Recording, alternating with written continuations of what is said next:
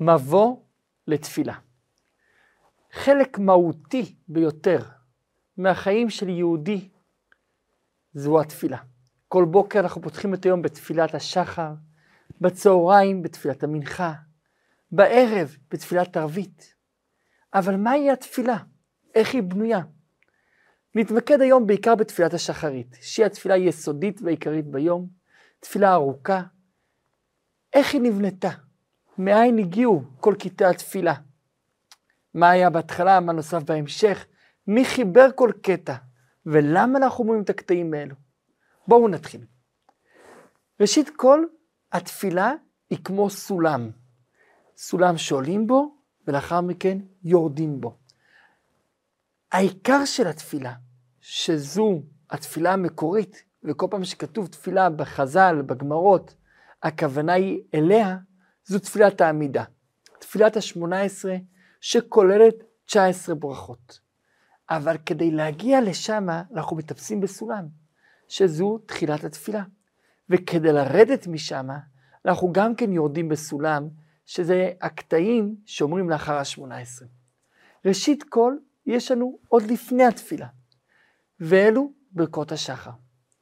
ברכות השחר, אנחנו מתחילים בבוקר לקרוא אותם כהודאה, כשבח, כתודה לקדוש ברוך הוא. ולפני זה יש משהו שאנחנו אומרים עוד טרום התפילה, מיד כשנאור האדם בשנתו.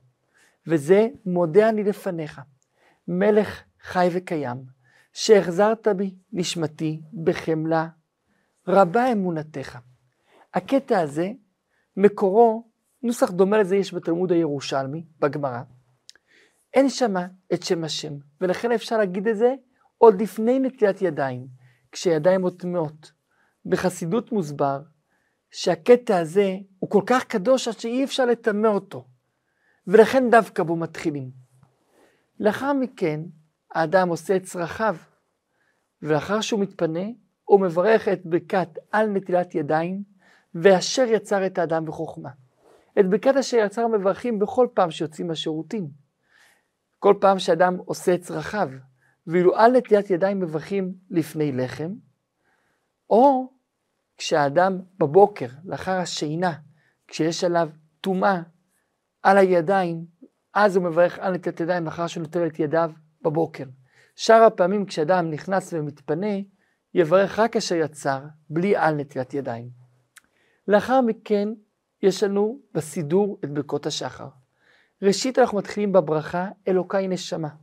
הברכות תוקנו על ידי אנשי כנסת הגדולה. כנסת הגדולה היה המוסד המרכזי של עם ישראל בתקופת בית המקדש השני בתחילתו. 120 חברים היו שם, 85 חכמים והשאר נביאים, כי זה עדיין היה בתקופת הנבואה. ראש בית המדרש הזה היה עזרא הסופר, שהיה גם כהן גדול וגם מנהיג העם, ובמוסד הזה תיקנו את נוסחאות של התפילות, כי הם ראו שהעם כבר לא כמו פעם, כבר לא יודעים לכוון את עצמם נכון, לא יודעים לכוון את המילים נכונה, וכדי שיגידו כמו שצריך, הם תיקנו נוסחאות לתפילות, נוסחאות לברכות, ואסור לשנות מהמטבע, מהנוסח שתיקנו החכמים. זה ההתחלה של הברכות, שאנחנו קמים כל יום, הגמרא אומרת, שברכות השחר, כל אחד מסיבה. אלוקיי נשמה שנתת בי תוראי, זה אומרים כשאדם קם ורואה שנשמתו שבה אליו, כי בזמן השינה הנשמה עולה לשמיים, נמצאת תחת היכלות הקדושה. כשהוא רואה שהנשמה שבה, שבה אליו, הוא אומר, אלוקיי נשמה שנתת לי תוראי. לאחר מכן, כשהוא שומע את התרנגול מאיר את השחר, הוא אומר, הנותן לה סחבי, סחבי זה תרנגול, בינה להבחין בין יום ובין לילה. היום אנחנו מברכים את הברכות האלו ברצף, אפילו שאנחנו לא שומעים את התרנגול ולא עושים את כל הצעדים שאומרת נקרא, כי עצם הברכות זה לא ברכות הנהנים. מה זה ברכות הנהנים? אני אוכל לחמניה, אני צריך לברך עליה. כי אני נהנה מהלחמניה הזאת, זה ברכות הנהנים. אם אני לא אוכל, אני לא מברך. יש ברכות השבח, שאתה משבח את הקדוש ברוך הוא, וזה גם אם אתה לא נהנה מכך עכשיו, אתה משבח. ברכות השחר הן ברכות השבח, ולכן מברכים אותם בכל בוקר, גם אם לא שמעתי את התרנגול וגם אם לא התקיימו בי כל התנאים שעוד מעט נראה. לאחר מכן, כשאדם פוקח את עיניו, הוא מברך פוקח עיוורים. כשאדם מזיז את ידיו, רגליו ואת איבריו, מתיר אסורים. כשאדם מצליח לקום ממקומו, זוקף כפופים. כשאדם מתלבש, מלביש ערומים. כשאדם יכול לקום וללכת, נותן ליעף כוח. כשאדם יכול לדרוך על הרצפה, רוקה הארץ על המים, עצם זה שיש ארץ יציבה. כשאדם יכול לצעוד, המחיר צדק גבר. כשאדם יכול לשים אפילו את נעליו, יש לו את הכל, שעשה לקרוא צורכי. כשאדם חוגר את חגורו, עוזר ישראל בגבורה. כשאדם שם את כיסוי הראש, את הכיפה, עותר ישראל בתפארה. ואז הוא נזכר, תודה השם שלא עשני גוי, שלא עשני עבד, לאחר מכן שלא עשני אישה. הגברים מברכים את הברכה הזאת שהם זכו לקיים עוד מצוות, ועל כך הם מודים להשם, כי הגבר מחויב במצוות יותר מן האישה. ולאחר מכן המעביר שינה מעיניי ותנומה מאפתיי. והברכה הזאת היא ברכה יותר ארוכה, כוללת יהי רצון, עד הגומל חסדים טובים לעמו ישראל. לאחר מכן אנחנו אומרים את תפילתו של רבי יהודה הנשיא. רבי יהודה הנשיא, זה שסידר את המשניות, הייתה לו תפילה מיוחדת, שאת התפילה הזאת אנחנו אומרים מדי בוקר, שתצילני היום, תציל אותי, ובכל יום, מעזי פנים, מחוץ פנים, ומעזות פנים, מחוצפה, מאדם רע, לא רוצה להיות עם אנשים רעים, מחבר רע, משכן רע. כל אלה שאני לא רוצה לפגוש אותם, עין הרע, עדות שקר, עשיית הבריאות, אנא השם שאני לא אפגוש אותם. לאחר מכן אנחנו אומרים את ברכת התורה, שאלו שלוש ברכות, בגלל שהגמרא חולקת מהנוסח הברכות של ברכת התורה, יש בזה כמה נוסחאות, אומרת הגמרא, ברכת התורה היא כל כך חשובה, נגיד את שלושתם, את כל הנוסחאות. שזה אנחנו מברכים לפני לימוד התורה. אנחנו מברכים פעם אחת ביום על לימוד התורה של כל היום כולו. אבל כדי שהברכה תחול, חייבים אחרי זה מיד ללמוד תורה. ולכן מיד אחרי הברכות של התורה, אנחנו קוראים פסוקים מהתנ"ך ואומרים משנה מהתורה שבעל פה. אילו פסוקים בחרנו מהתנ"ך? את הפסוקים של הברכה. ברכת הכהנים, יברכך השם וישמרך, יאר השם פניו אליך ויחונקה, יישא השם פניו אליך וישם לך שלום. לאחר מכן אנחנו מתחילים את התפילה עצמה. התפילה אמרנו כמו סולם. עכשיו יש לנו חטיבה שלמה של הקדמות לתפילה. החטיבה הזאת נמצאת בקבלה בעולם העשייה, שזה המדרגה התחתונה, ושם יש לנו כמה וכמה קטעים שמשלימים אחד את השני. הקטע הראשון, הארי הקדוש אמר להגיד אותו, הרי אני מקבל עליי מצוות עשה של ואהבת לרעך כמוך. לפני התפילה, כדי שהתפילה תצליח, חייבים להיות באחדות, כי בלי אחדות אין תפילה. ולכן אני אוהב את כל עם ישראל. לכן אנחנו נראה שבהמשך התפילה, אנחנו תמיד מתפללים על כל עם ישראל, רפאנו, ברך עלינו, מתפללים על כולם. אז קודם כל אנחנו מקבלים על עצמנו מצוות עשה של ואהבת לך כמוך. ואז אנחנו אומרים שלושה פסוקים, הקדמה לתפילה. ראשית כל הפסוק שבלעם אמר, מה טובו אוהליך יעקב משכנותיך ישראל, שזה השבח של עם ישראל, שלכן אי אפשר לקלל אותם, שהם הולכים לבתי כנסיות ולבתי מדרשות. לאחר מכן הפסוק הבא, ואני ברוב חסדיך מתהילים. דוד המלך אומר, ריבונו של עולם, תודה שאתה נותן לי לבוא, להשתחוות אל היכל קודשך בירתך. ופסוק נוסף מהתהילים, ואני תפילתי לך השם, עת רצון. אנא השם תקשיב לי, אלוקים ברוב חסדיך, ענני באמת אישך. לאחר מכן אנחנו אומרים פיוט. מטרת הפיוטים זה להכניס אותנו לתוכן של התפילה. והפיוט הזה זה שבח לקדוש ברוך הוא. כי התפילה היא ראשית כל לשבח את השם ורק לאחר מכן לבקש. הפיוט הזה הוא פיוט שלא ברור המקור שלו. יש אומרים שזה נכתב על ידי רבי שלמה אבן גבירול, יש כאלה שאומרים שזה נכתב על ידי רבן יוחנן בן זכאי, יש אומרים שזה נכתב על ידי הגאונים, אבל ככל הנראה, הכי נראה שזה אכן נכתב בתקופת ראשוני הראשונים, בתקופתו של רבי שלמה אבן גבירול, אם על ידיו ישירות או בדור או בתקופתו. והפיוט אומר אדון עולם, הקדוש ברוך הוא, שמלך עוד לפני שכל היצורים נבראו. הכל נעשה כמו שהוא רצה, ואז הוא נקרא מלך. כי כשהוא לבד, הוא לא מלך, אלא הוא הכל. מלך זה כשיש עוד, ואז הוא מולך עליהם. וגם אחרי זה, אחרי כל העולם, הוא לבדו נשאר, הוא היה והוא הווה. וכשיבוא המשיח, אז יראו גם כן את הגדולה שלו כולם, הוא יהיה בתפארה. הוא אחד ואין אפילו מישהו להתחבר אליו, הוא, הוא לא יחיד, אלא הוא אחד. מה ההבדל בין יחיד לאחד? יחיד זה אומר שאין כלום. אחד זה אומר, כל הפריטים שאתה רואה בעולם, הכל זה הוא. הכל זה הקדוש ברוך הוא. אין מי שיתחבר אליו, הוא לא נוצר מתישהו והוא גם לא יסתיים מתישהו. אלא כל הדבר שמתחיל ונגמר, כל דבר שהוא מתחיל הוא גם נגמר. דבר שמתחיל ונגמר זה הקדוש ברוך הוא יצר. הוא עצמו אין לו לא התחלה ולא סוף, אלא זה נצחיות. ולא הכוח והמשרה, משרה זה כמו ממשלה. הוא הקל שלי, והוא חי גואלי, וכשיש צרה שלא נדע, אנחנו פונים אליו, והוא גם הנס שלי, שהוא מציל אותי.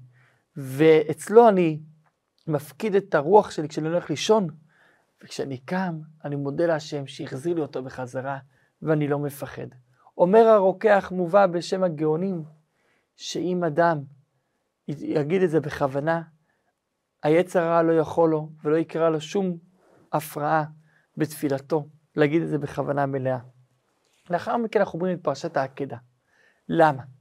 אפרו של יצחק צבור ומונח על גבי המזבח. הזכות של העקדה היא הזכות הכי גדולה לעם ישראל. היא עומדת לעם ישראל לנצח, לדורות ולדורי דורות. זו הזכות של העקדה. ולכן כדי לעורר את הזכות הזאת של עם ישראל, אנחנו אומרים את פרשת העקדה מדי יום ביומו. וכך אנחנו מעוררים את הזכות הגדולה של עם ישראל. העקדה שעקד אברהם אבינו, את יצחק בנו, על גבי המזבח. לאחר מכן אנחנו אומרים קטע שחיבר אותו אליהו הנביא. זה מופיע בספר תנא דבי אליהו רבא, ישיבתו של אליהו הנביא, וזה לעולם יהיה אדם ירא שמיים בסתר. ואז יגיד ריבון כל עולמים, לא כותנו אנחנו מפילים את החלון לפניך, כי הרחמך רבים. שוב, זה קטע של ההקדמה לתפילה, השבח של הקדוש ברוך הוא, ולכן אנחנו חייבים להודות ולשבח ולומר את שמע ישראל. זה קטע שחובר על ידי אליהו הנביא. לאחר מכן אנחנו אומרים שמע ישראל, למה? מסופר שהייתה תקופה בעם ישראל שהיה מלך רשע שגזר לא להגיד קריאת שמע, והוא היה עוקב אחרי זה שלא יגידו קריאת שמע. ולכן תקנו להגיד קריאת שמע בתוך הקטע של אליהו הנביא בהבלעה, וככה לא שמו לב לזה. והגזירה הייתה בערך ארבע או חמש שנים, וגם לאחר שהגזירה התבטלה, המשיכו לקרוא שם קריאת שמע קטנה. ואז אנחנו ממשיכים ואומרים, את סיום התפילה, אתה הוא השם אלוקים בשמיים ובארץ, אנחנו משלבים בזה פסוקים, שזה סיום התפילה הקודמת של הקריאת שמע. לאחר מכן אנחנו עוברים למשהו נוסף, קורבנות. למה אנחנו קוראים את הקורבנות האלו? יש בזה שתי סיבות. סיבה אחת, תפילות הן במקום הקורבנות. אנחנו יודעים שאומנם את התפילה חיבר אברהם אבינו, אבל אברהם אבינו חיבר את זה שאם לאדם יש צרה, הוא פונה להשם בבוקר ומתפלל. הוא חיבר את התפילה של הבוקר. אבל מתי הגיעה החובה של התפילות? אומרת הגמרא, במקום הקורבנות. כשנחרב את המקדש הראשון ולא הקריבו יותר את קורבן התמיד, במקום קורבן התמיד הביאו את התפילה. ולכן אנחנו קוראים כל יום את הפסוקים שמספרים על הקורבנות, ונשלמה פרים שפתנו. כשאנחנו קוראים את זה, עולה לנו כאילו הקרבנו את הקורבן הזה. לכן זה כל כך חשוב להגיד כל יום את הקורבנות. ויש בזה סיבה נוספת. הגמרא אומרת, לעולם ישלש אדם לימודו, שליש במקרא, שליש במשנה, שליש בתלמוד. כל יום אנחנו צריכים ללמוד שליש מקרא, שליש משנה, שליש תלמוד.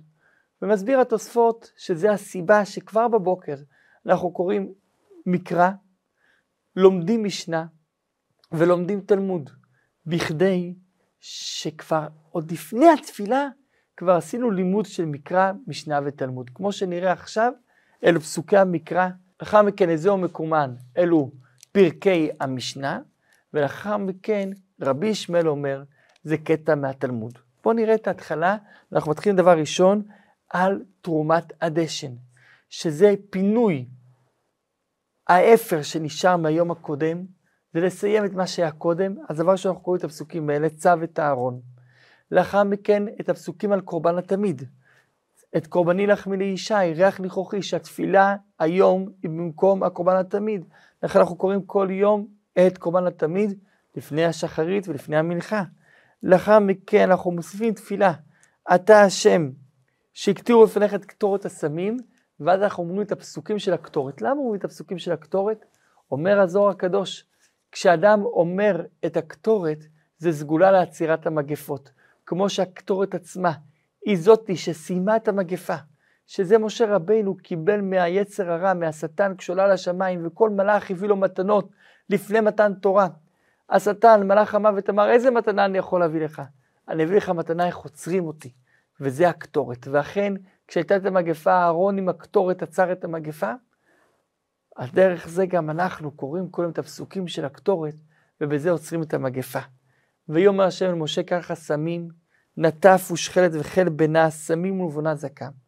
אבל שם לא מוסבר מה זה הקטורת. לכן לאחר מכן אנחנו מביאים ממסכת כריתות את הגמרא שמסבירה מה זה הקטורת. תנור רבנן, תנור רבנן זה קטע גמרא שנו חכמים, פיתום הקטורת כיצד, איך עושים את הקטורת, ואנחנו אומרים מה גם כן אחד עשר סימנים של הקטורת, הצורי והציפורן והחל בנה והלבונה, אנחנו מסבירים מה זה הקטורת, ואנחנו מביאים שלוש ברייתות של רבן שמעון בגמליאל, רבי נתן ובר כפרה, שמסבירים כל מיני דינים על הקטורת, איך היו שוחקים בזה. לאחר מכן אנחנו מביאים ברייתא נוספת ממסכת יומא, אביי אהבה מסדר סדר המערכה, שהוא היה אומר מה הסדר של עבודת היום בבית המקדש, ולאחר מכן אנחנו אומרים תפילה של רבי נחוניה בן הקנה, אחד מחכמי המשנה, אנא בכוח גדולת המניחה תפילת הסוד. ואנחנו מוסיפים בקשה, אנא השם, תבנה לנו את בית המקדש ויחזרו חזרה כל הקורבנות לסדרן. לאחר מכן אנחנו אומרים את המשניות. איזהו מקומן? למה בחרו דווקא את פרק המשניות הזה? א', כי זה בנושא של הקורבנות. זה מתאים מאוד. ב', אומר הבית יוסף, זה פרק ללא מחלוקות.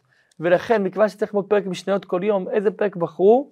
פרק ללא מחלוקות. אז זה הסיבה שאנחנו אומרים את זה מקומן כל בוקר, גם בגלל הקורבנות וגם בגלל שזה ללא מחלוקות. ולאחר מכן, בסוף הפרק הזה, שהוא מסתיים במילים ואינו נאכל אלא צלי, אנחנו אומרים קטע מהתלמוד, מהגמרא. איזה קטע בחרו? כמובן, קטע שמספר על כללי הלימוד, כי זה כולל לך וסוג של מבוא בכלל לתלמוד, לתורה שבעל פה. רבי ישמעאל אומר ב-13 מידות התורה נדרשת מקל וחומר, מגזר השווה, מבניין אב, 13 לימוד, ולאחר מכן אנחנו אומרים קטע מתוך מסכת אבות. פרקי אבות יהי רצון לפניך השם אלוקינו ואלוקי אבותינו שיבנה בית המקדש במהרה בימינו ותן חלקנו בתורתך. פה סיימנו את כל ההקדמות שמכונים קורבנות, שאלו הקדמות לתפילה עצמה. זה עולם העשייה. כל פעם שעוברים בין עולם לעולם, יש קדיש. ולכן עכשיו אומרים קדיש דה רבנן. למה קדיש דה רבנן? יש לנו שני סוגי קדישים כלליים. קדיש יש למה? שאותו אומרים על קטעים מהתורה שבכתב, מהתנ"ך, על תהילים, על פסוקים מהתורה, ויש לנו קדיש דה רבנן, שאותו אומרים על קטעים מהתורה שבעל פה, על משניות, על גמרות, ולכן הקדיש דה רבנן על ישראל, אותו אומרים עכשיו, כי עכשיו באיזה קטע סיימנו? רבי ישמעאל אומר שזה קטע גמרא, אז לכן הקדיש עכשיו זה קדיש דה רבנן על ישראל ועל רבנן, שאלו חכמי התורה. כאן סיימנו בעצם את הקטע הראשון בתפילה, את עולם העשייה. עכשיו אנחנו עוברים לקטע השני בסולם, עולם היצירה, שזה פסוקי דזמרה. הגמרא אומרת, מי שמלל את הקדוש ברוך הוא בכל יום, היא זכות גדולה מאוד, יהיה חלקי מאומרי הלל, ומה זה? פסוקי דזמרה. פסוקי דזמרה אלו פסוקים מהמקורות שמשבחים את הקדוש ברוך הוא. כמו שכתוב במשנה במסכת ברכות, פרק חמישי, חסידים הראשונים היו שוהים שעה אחת ומתפללים כדי שהם יבואו לתפילה כמו שצריך. שאחרי שהם חשבו שבח של הקדוש ברוך הוא, ולכן גם אנחנו, אנחנו צריכים לבוא לתפילת העמידה 18 אחרי שחשבנו על גדולתו של השם. לכן דבר ראשון לפני התפילה נהוג ללמוד. ללמוד תורת החסידות, איזה קטע שמסביר לך על גדולת השם, אפילו קטע קצר. ללמוד הלכה פסוקה, כמו שכתוב, ולכן אנחנו לומדים עוד סיבה, זהו מקומן של אלו הלכות פסוקות. וגם נותנים צדקה, כמו שגמרא אומרת שרבי אליעזר היה אומר, אני בצדק אחזה פניך, קודם כל תן צדקה, אחרי זה תתפלל. חסידים גם נוהגים לטבול במקווה טהרה, אבל כל זה עדיין הקדמה לשלב העיקרי, שהוא לשבח את השם. כדי לבוא לשמונה עשרה, כדי לבוא לתפילת העמידה, חייבים לשבח את השם קודם. והשבח של השם זה עכשיו פסוקי דזמרה. פסוקי דזמרה מתחילים בהודו להשם קראו בשמו, שזו תפילתו של דוד המלך, שהיה קורא אותה כשהעבירו את הארון, ארון הברית לירושלים, וכל יום עד שבנו את בית המקדש קראו את התפילה הזאת מדי יום ביומו. ולכן גם אנחנו כוללים את זה בתפילה הזאת. לאחר מכן אנחנו עוברים לכל מיני פסוקים שדוד המלך אמר בתהילים, עד למזמור שיר חנוכת הבית, ואז נעמדים ואומרים השם מלך, השם מלך, השם מלוך לעולם ועד, שזה שילוב של פסוקים שמדברים שהשם הוא נצחי, תמיד היה ותמיד הווה ותמיד יהיה. פרק נוסף מטילים למנצח בנגינות, ואז ברכת ברוך שאמר. ברוך שאמר היא ברכה מיוחדת שתקנו אותה אנשי כנסת הגדולה על פי פתק שנפל מן השמיים. בפתק שנפל מן השמיים היה כתוב את הברכה הזאת, וזו הברכה שפותחת את פסוקי דזמרה. הפסוקים שמענו עד עכשיו, הודו וכדומה, זו הכנה לברכה הזאת. יש עדות אשכנז שנוהגים להגיד את הודו באמת אחרי ברוך שאמר, אבל עדות המזרח ונוסח ספרד, שזה הנוסח שהחסידים מתפללים, נוהגים להגיד את הפסוקים האלה כהכנה לברוך שאמר. ולפני ברוך שאמר אומרים לשם ייחוד קודשה בריחו, שזה לשם ייחוד, זה קטע קבלי, על כל היום כולו, שמסביר את הפעולות שאנחנו עושים על ידי המצוות, שזה מייחד את הקדוש ברוך הוא עם שכינתו. ברוך שאמר והיה עולם. זה שוב שבח הקדוש ברוך הוא, היא ברכה פותחת. ויש לה גם כן ברכה מסיימת שזה ישתבח שמך, שזה בסוף סוכי דזמרה. יש ברכה פותחת וברכה מסיימת. לאחר מכן מזמור לתודה. תודה להשם, תודה. יהי כבוד, שזה כמה פסוקים מלוקטים מהתהילים, שבח להשם, ולאחר מכן תהילה לדוד. אומרת הגמרא, למה בחרו תהילה לדוד? כי יש שם פסוקים באלף בית. הדבר הראשון, אור ממך אלוקי המלך, בכל יום אברכך, גדול השם, לפי האלף בית. אה, יש עוד חמישה פרקים בתהילים לפי האלף בית, אבל פה יש גם כן בקשה לפרנסה. פותח את ידיך ומצביע לכל חיי רצון, שאנחנו מבקשים שהקדוש ברוך הוא יזמן לנו את מזונותינו. ולכן בפסוק הזה צריך לכוון שהקדוש ברוך הוא משגיח על כל בריאותיו לפרנס אותם.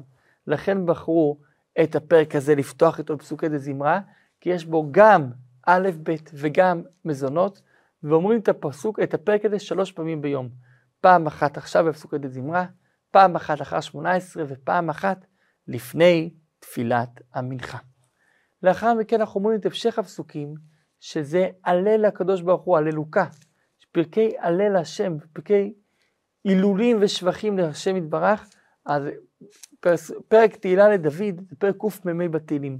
אנחנו אומרים ברצף את כל הפרקים עד סיום התהילים, הללויה הללי נפשי את אדוני, ההללה אדוני בחיי זמרה לאלוהי בודי, הללויה כי טוב זמרה אלוקינו, הללויה הללות השם מן השמיים, הללויה שיעור השם חדש, עד לפרק שמסיים את התהילים, שיש בו הרבה מאוד סודות ושבחים, הרבה הילולים, הללויה הללו אל בקודשו, הללו בקריאה זו.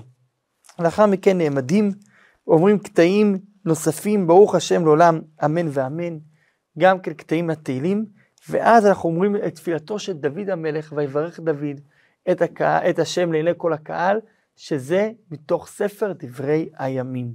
לאחר מכן אנחנו עוברים לספר נחמיה, שספר נחמיה עושה סיכום על ההיסטוריה של עם ישראל, ולכן אנחנו קוראים גם כן בזה כל יום ויום את הקטעים מספר נחמיה, ויברכו שם כבודיך, אתה הוא השם לבדיך, אתה עשית את השמיים, שמי השמיים, אתה בחרת באברהם, והוצאתו מאוכסדים, עשית שמו אברהם, וחרות עמו הברית, ותיתן את האותות הנובטים, תעשה לך השם כיום הזה, והים בקעת לפניהם. סוג של סיכום מאורות של עם ישראל, שנחמיה שהיה ממונה על אזור ארץ ישראל מטפח, מאת המושל הפרסי, רועי הפחה של יהודה וישראל, הוא אומר את השבח הזה על הקדוש ברוך הוא, את הסיכום לעם ישראל, וגם את זה אנחנו אומרים כל יום. לאחר מכן נוסף בתקופה יותר מאוחרת, שירת הים, להגיד אותו ביום, במקור לא אומרים שירת הים, אלא ישר השתבח, זה נוסף יותר מאוחר, ואנחנו אומרים כל יום את שירת הים, ויושע השם ביום ההוא, אז ישיר משה, ובסוף אנחנו אומרים, כיבס וספורו, אנחנו אומרים פסוק מספר עובדיה, ש... ועלו מושיעים בארץ ציון לשפוט את הר עשיו את השם המלוכה, ומסיימים בפסוק בזכריה על הגאולה, והיה השם למלך כל הארץ, ביום ההוא יהיה השם אחד ושמו אחד כשיבוא המשיח. ואז אנחנו אומרים את הברכה המסיימת, השתבח שמך לעד מלכנו, עד הבוחר בשירי זמרה, מלך יחיד חיי העולמים, ושוב קדיש. הפעם חצי קדיש, כי עוד פעם אנחנו עוברים עולם, ואמרנו, כל פעם שעוברים עולם, מעולם לעולם, אומרים קדיש.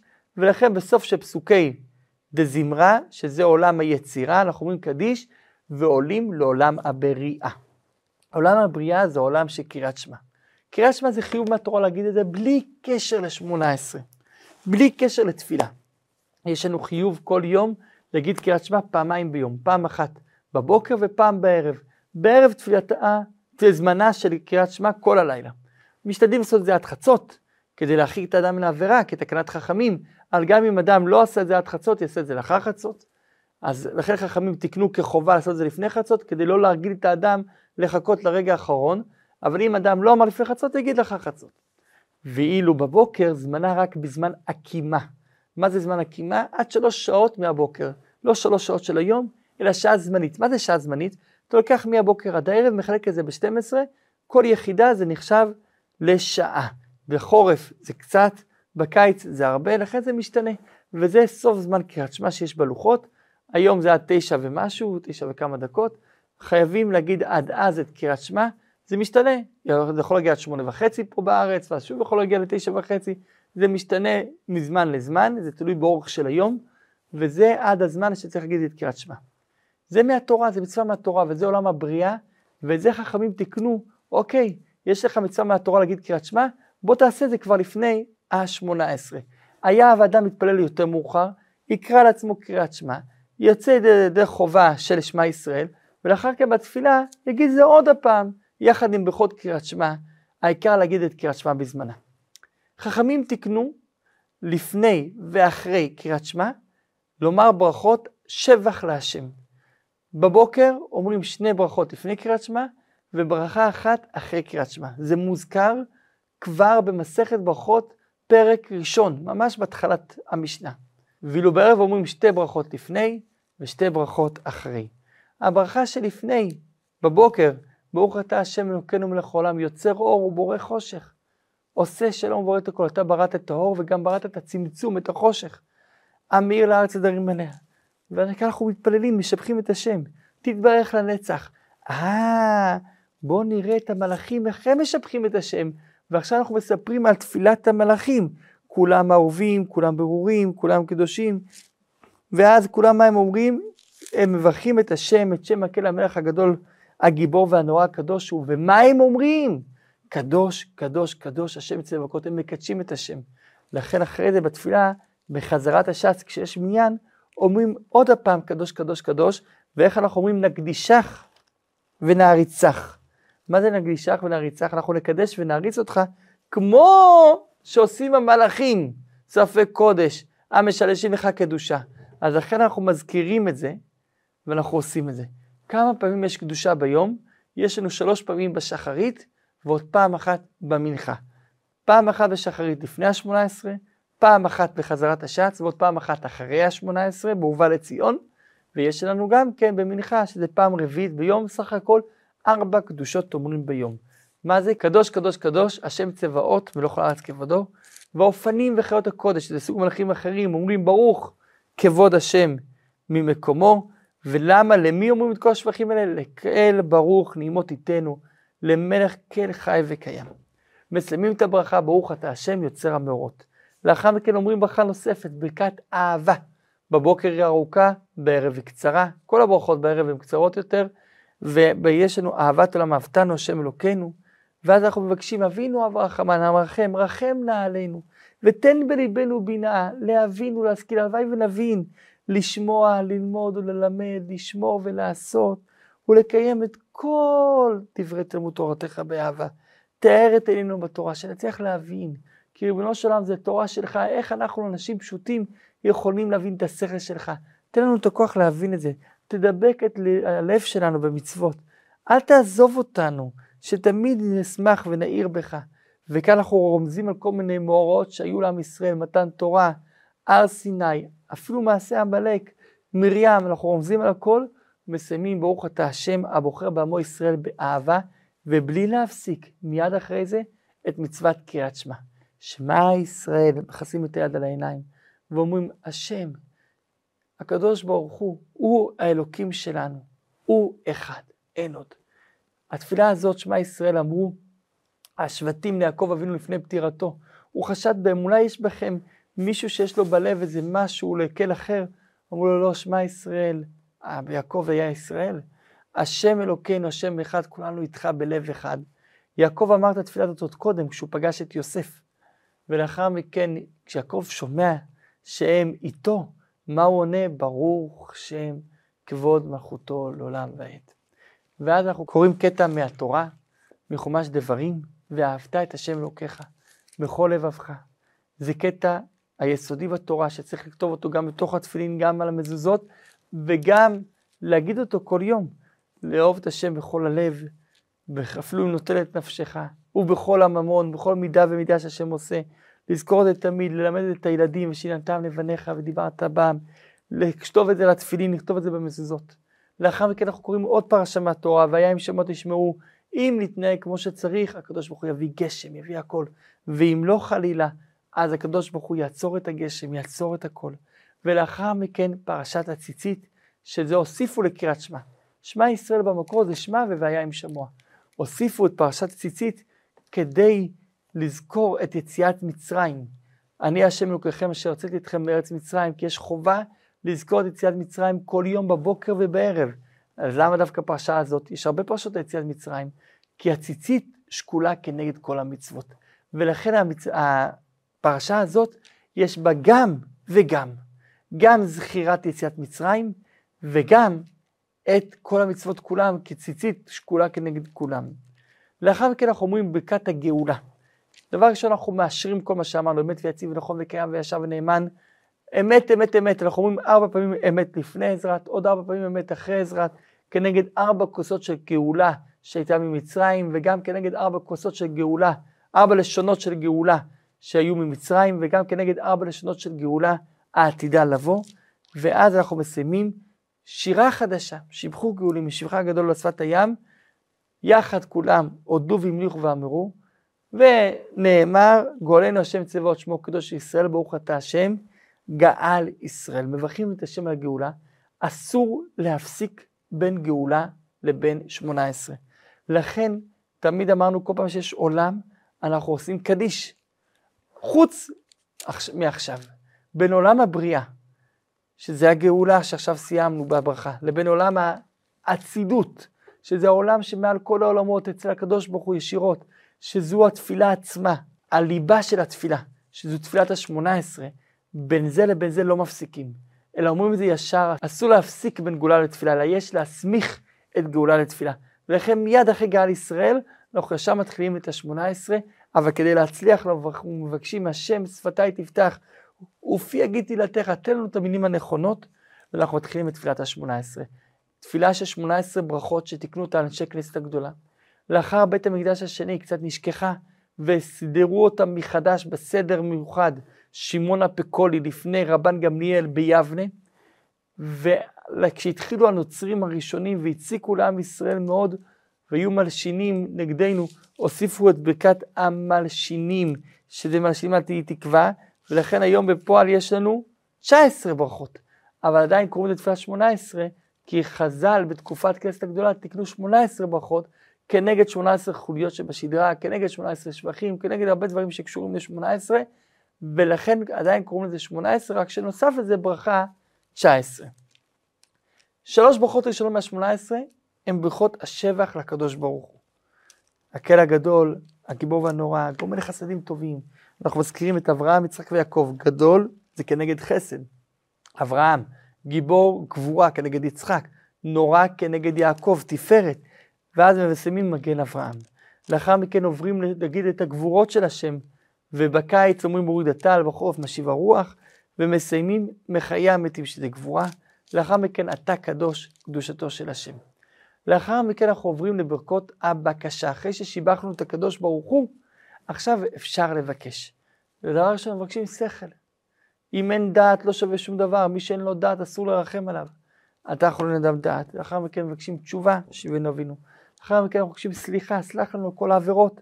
לאחר מכן אנחנו מבקשים, תראה בבקשה השם בעוניינו ותגאל אותנו. תן לנו רפואה שלמה. תברך אותנו. למה רפואה שלמה בברכה הזאת, ברכה השמינית, כנגד ברית מילה שביום השמיני? תן לנו פרנסה כמו שצריך. תקע בשופר תן לנו את הגאולה. תחזיר חזרה את השופטים. כל המלשינים זה הברכה שנוספה. לא יצליחו להשיב ותכרית את מלכות הרשע מהעולם, שיהיה רק מלכות השם בעולם. בעזרת השם זה יקרה כשיבוא המשיח, שאז יותר לא יהיה רוע בעולם בכלל. על הצדיקים ועל החסידים נברך אותם. השם תחזור בבקשה לירושלים. את צמח דוד, דוד מלך המשיח. שמע קולנו השם אלוקינו. תקשיב לנו בבקשה, וקבל ברחמים וברצון את תפילתנו. למה? כי אתה שומע תפילת כל פה, ברוך אתה השם שומע תפילה. לאחר מכן אנחנו אומרים את ברכת רצה.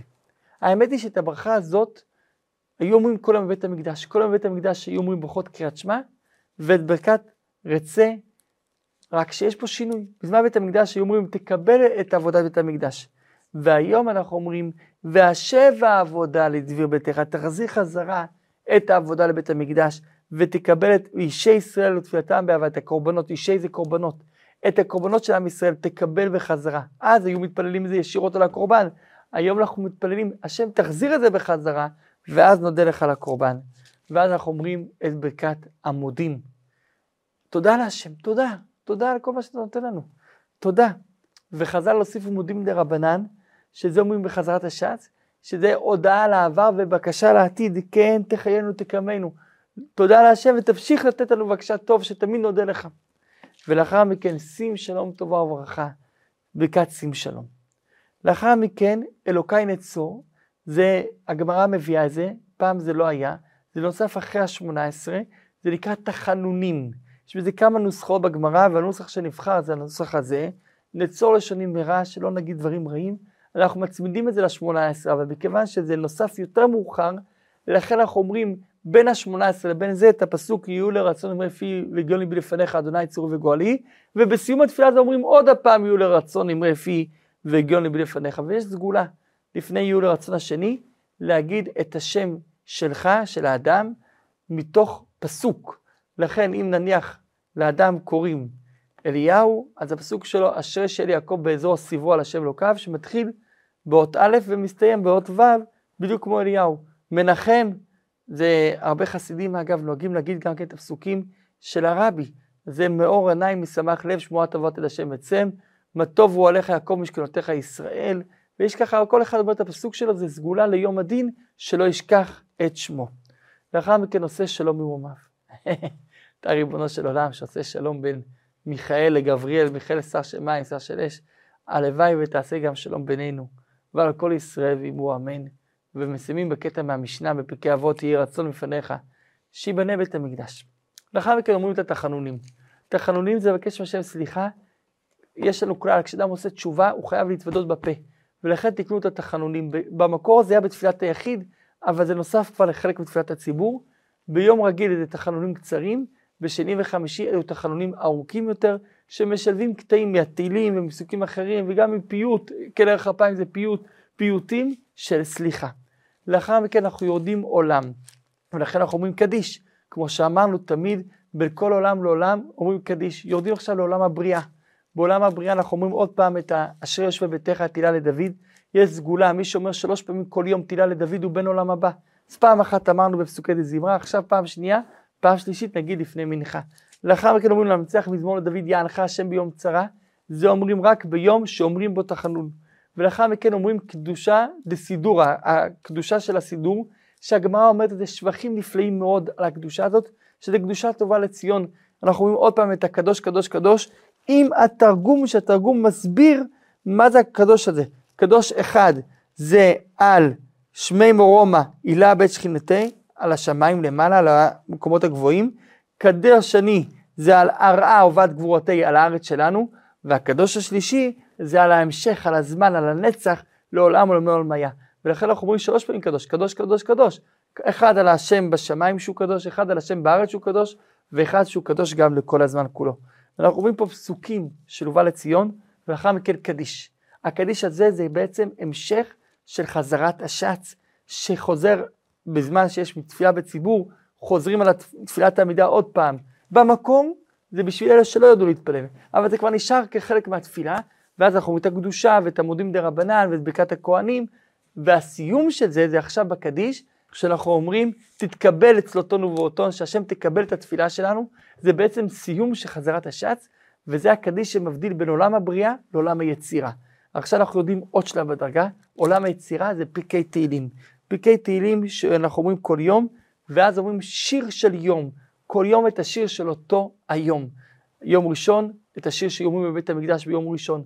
יום שני, השיר שיאמרים בבית המקדש ביום שני. כל פרק קשור לאותו יום, וביום השבת מזמור של יום השבת. לאחר מכן אומרים עוד קדיש, הפעם קדיש יש למה, כאילו פסוקים מהתורה שבכתב, תהילים זה תורה שבכתב, לכן יש למה. ואז אנחנו אומרים שוב את פיתום הקטורת עם פיוט שקודם לזה, הפיוט זה אין כאלוקינו אין כאדוננו, ואנחנו אומרים עוד פעם את פיתום הקטורת, כי אנחנו אומרים סך הכל שלוש פעמים ביום פיתום הקטורת, פעמיים בבוקר ופעם אחת במנחה, ולאחר מכן תן לדבי אליהו, עוד קטע מאליהו הנביא, על חשיבות ההלכות, כמה קטעים מהגמרא, ואז הסיום של הש"ס, הסיום של מסכת ברכות, נזיר, יבמות וכריתות של ארבע מסכתות, סיום בנייך, שהשם עוז לעמו ייתן השם יברך את עמו בשלום, ואומרים קדיש דה רבנן כדי קטעים מהתלמוד. לאחר מכן, בסיום התפילה אנחנו נוחתים לעולם העשייה, ובעולם העשייה אנחנו אומרים את תפילתו של יהושע בן נון, שחיבר אותה בעת שנכנסו לארץ, בזמן שהפילו את חומת יריחו. עלינו לשבח לאדון הכל, לתת גדולה ליוצר בראשית, שלא עשנו כגויי הארצות. ואנחנו פה מרמזים שאנחנו לא מאמינים באמונות טפלות ולא באמונות של הנוצרים, ולכן אנחנו מאמינים רק בקדוש ברוך הוא ולא באף אחד אחר. ולאחר מכן אנחנו אומרים תפילתו של אחן, כשחזר בתשובה, אותו אחן, גם מתקופת יהושע, על כן נקווה, על כן זה ראשי תיבות אחן, על כן נקווה.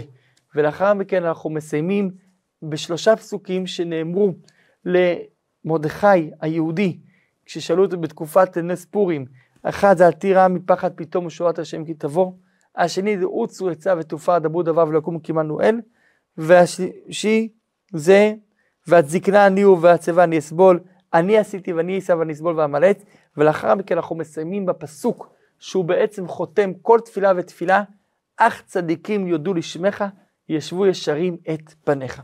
לאחר מכן אנחנו אומרים את שש זכירות ותהילים יומי. תהילים יומי, אמנם הרבי אריאץ ביקש מכולם להגיד את התהילים היומי, אבל הוא הדגיש שזה לא רק של החסידים, אלא זה סגולה ישנה, שכל אחד ואחד חשוב לו להגיד את התהילים כפי שמחולק לפי ימי החודש. התהילים מחולקים ל-30 חלקים, כל יום אומרים חלק אחד, יום א' בחודש אומרים מפרק א' עד פרק ט', וככה בכל תהילים כתוב יום א', יום ב', יום ג' עד יום ל', בחודש של 29 ימים, אז אומרים את של יום ל' ביום כ"ט, זו סגולה גדולה מאוד מאוד להגיד כל יום את התהילים היומי מיד לאחר תפילת השחרית, ואם זה יום ללא תחנון, נהוג להוסיף לזה גם כן את הפרק כ' למנצח מזמור לדוד יענך השם ביום צרה, להשלים את מה שהחסרנו בשחרית, שבגלל שלא אומרים תחנון, לא אומרים למנצח מזמור לדוד, אז כחלק מאמירת תהילים כן אומרים את זה, ולכן יחד עם אמירת תהילים מוסיפים את למנצח כאמירת תהילים. אבל השם טוב גם כן תיקן שכל אדם יגיד פרק של מספר שנותיו, אם הוא בן 20, אז אומר את הפרק שאליו, את השנה שאליו הוא נכנס, את פרק כ"א. אם הוא בן 25, יגיד פרק כ"ו. אם הוא בן 34, פרק ל"ה, וכן הלאה וכן הלאה. גם את זה אומרים לאחר התפילה. עד עכשיו דיברנו על מבנה התפילה. המהות של התפילה היא, התפילה דבר ראשון מהתורה, החובה היא להתפלל כשאדם יש לו בקשת צרכיו כשהוא צריך משהו. חכמים תיקנו את זה כחובה, את הנוסח ואת ההמשך, כמו שפירטנו לאחר חורבן בית המקדש. אבל העיקר של התפילה זה החיבור עם הקדוש ברוך הוא. תפילה מלשון חיבור. ולכן לפני התפילה אדם צריך לחשוב על הקדוש ברוך הוא, וכשהוא חושב על הקדוש ברוך הוא, הוא מתחבר לקדוש ברוך הוא. לכן בזמן התפילה כתוב לפני התפילה, כשאדם יחשוב, זה כלל גדול בתורה ובמעלות הצדיקים ההולכים לפני אלוקים, כמו שכתוב שיביתי השם לנגדי תמיד, כי אין ישיבת האדם ותנועותיו ועסקיו כשהוא לבדו בביתו, כשישיבתו ותנועותיו ועסקיו, והוא לפני מלך גדול, ואין דיבורו והרחבת פיו כרצונו, והוא עם אנשי ביתו, כדיבורו במושב המלך. כל שכן כשישים האדם אל ליבו, שהמלך הגדול, מלך מלכי המלכים הקדוש ברוך הוא, עומד עליו ורואה במעשיו, כמו שכתוב, אם יסתר איש במסתרים ואני לא אראנו, נאום השם, ועלו את השמיים ואת הארץ אני מלא, מיד יגיע אליו יראה והכנעה בפחד השם, ובושתו ממנו תמיד. ולכן אף על פי שכל הזמן אדם לפני הקדוש ברוך הוא, והקדוש ברוך הוא רואה אותו כל הזמן כולו, בזמן התפילה האדם צריך להתבונן עוד יותר, שעכשיו הוא מדבר לפני הקדוש ברוך הוא, ולכן כשהוא מדבר לפני הקדוש ברוך הוא, הוא עכשיו יעשה את זה אחרת מכל הזמן, ויתכונן לתפילה, ויהיה ראשו ומוחו אחוזים בתפילה, וככה הוא יתחבר כמו שצריך הקדוש ברוך הוא. יהי רצון שנזכה שיתקבלו כל תפילותינו, ובמיוחד התפילה של הגאולה, שתבוא כבר במהרה בימינו, אמן.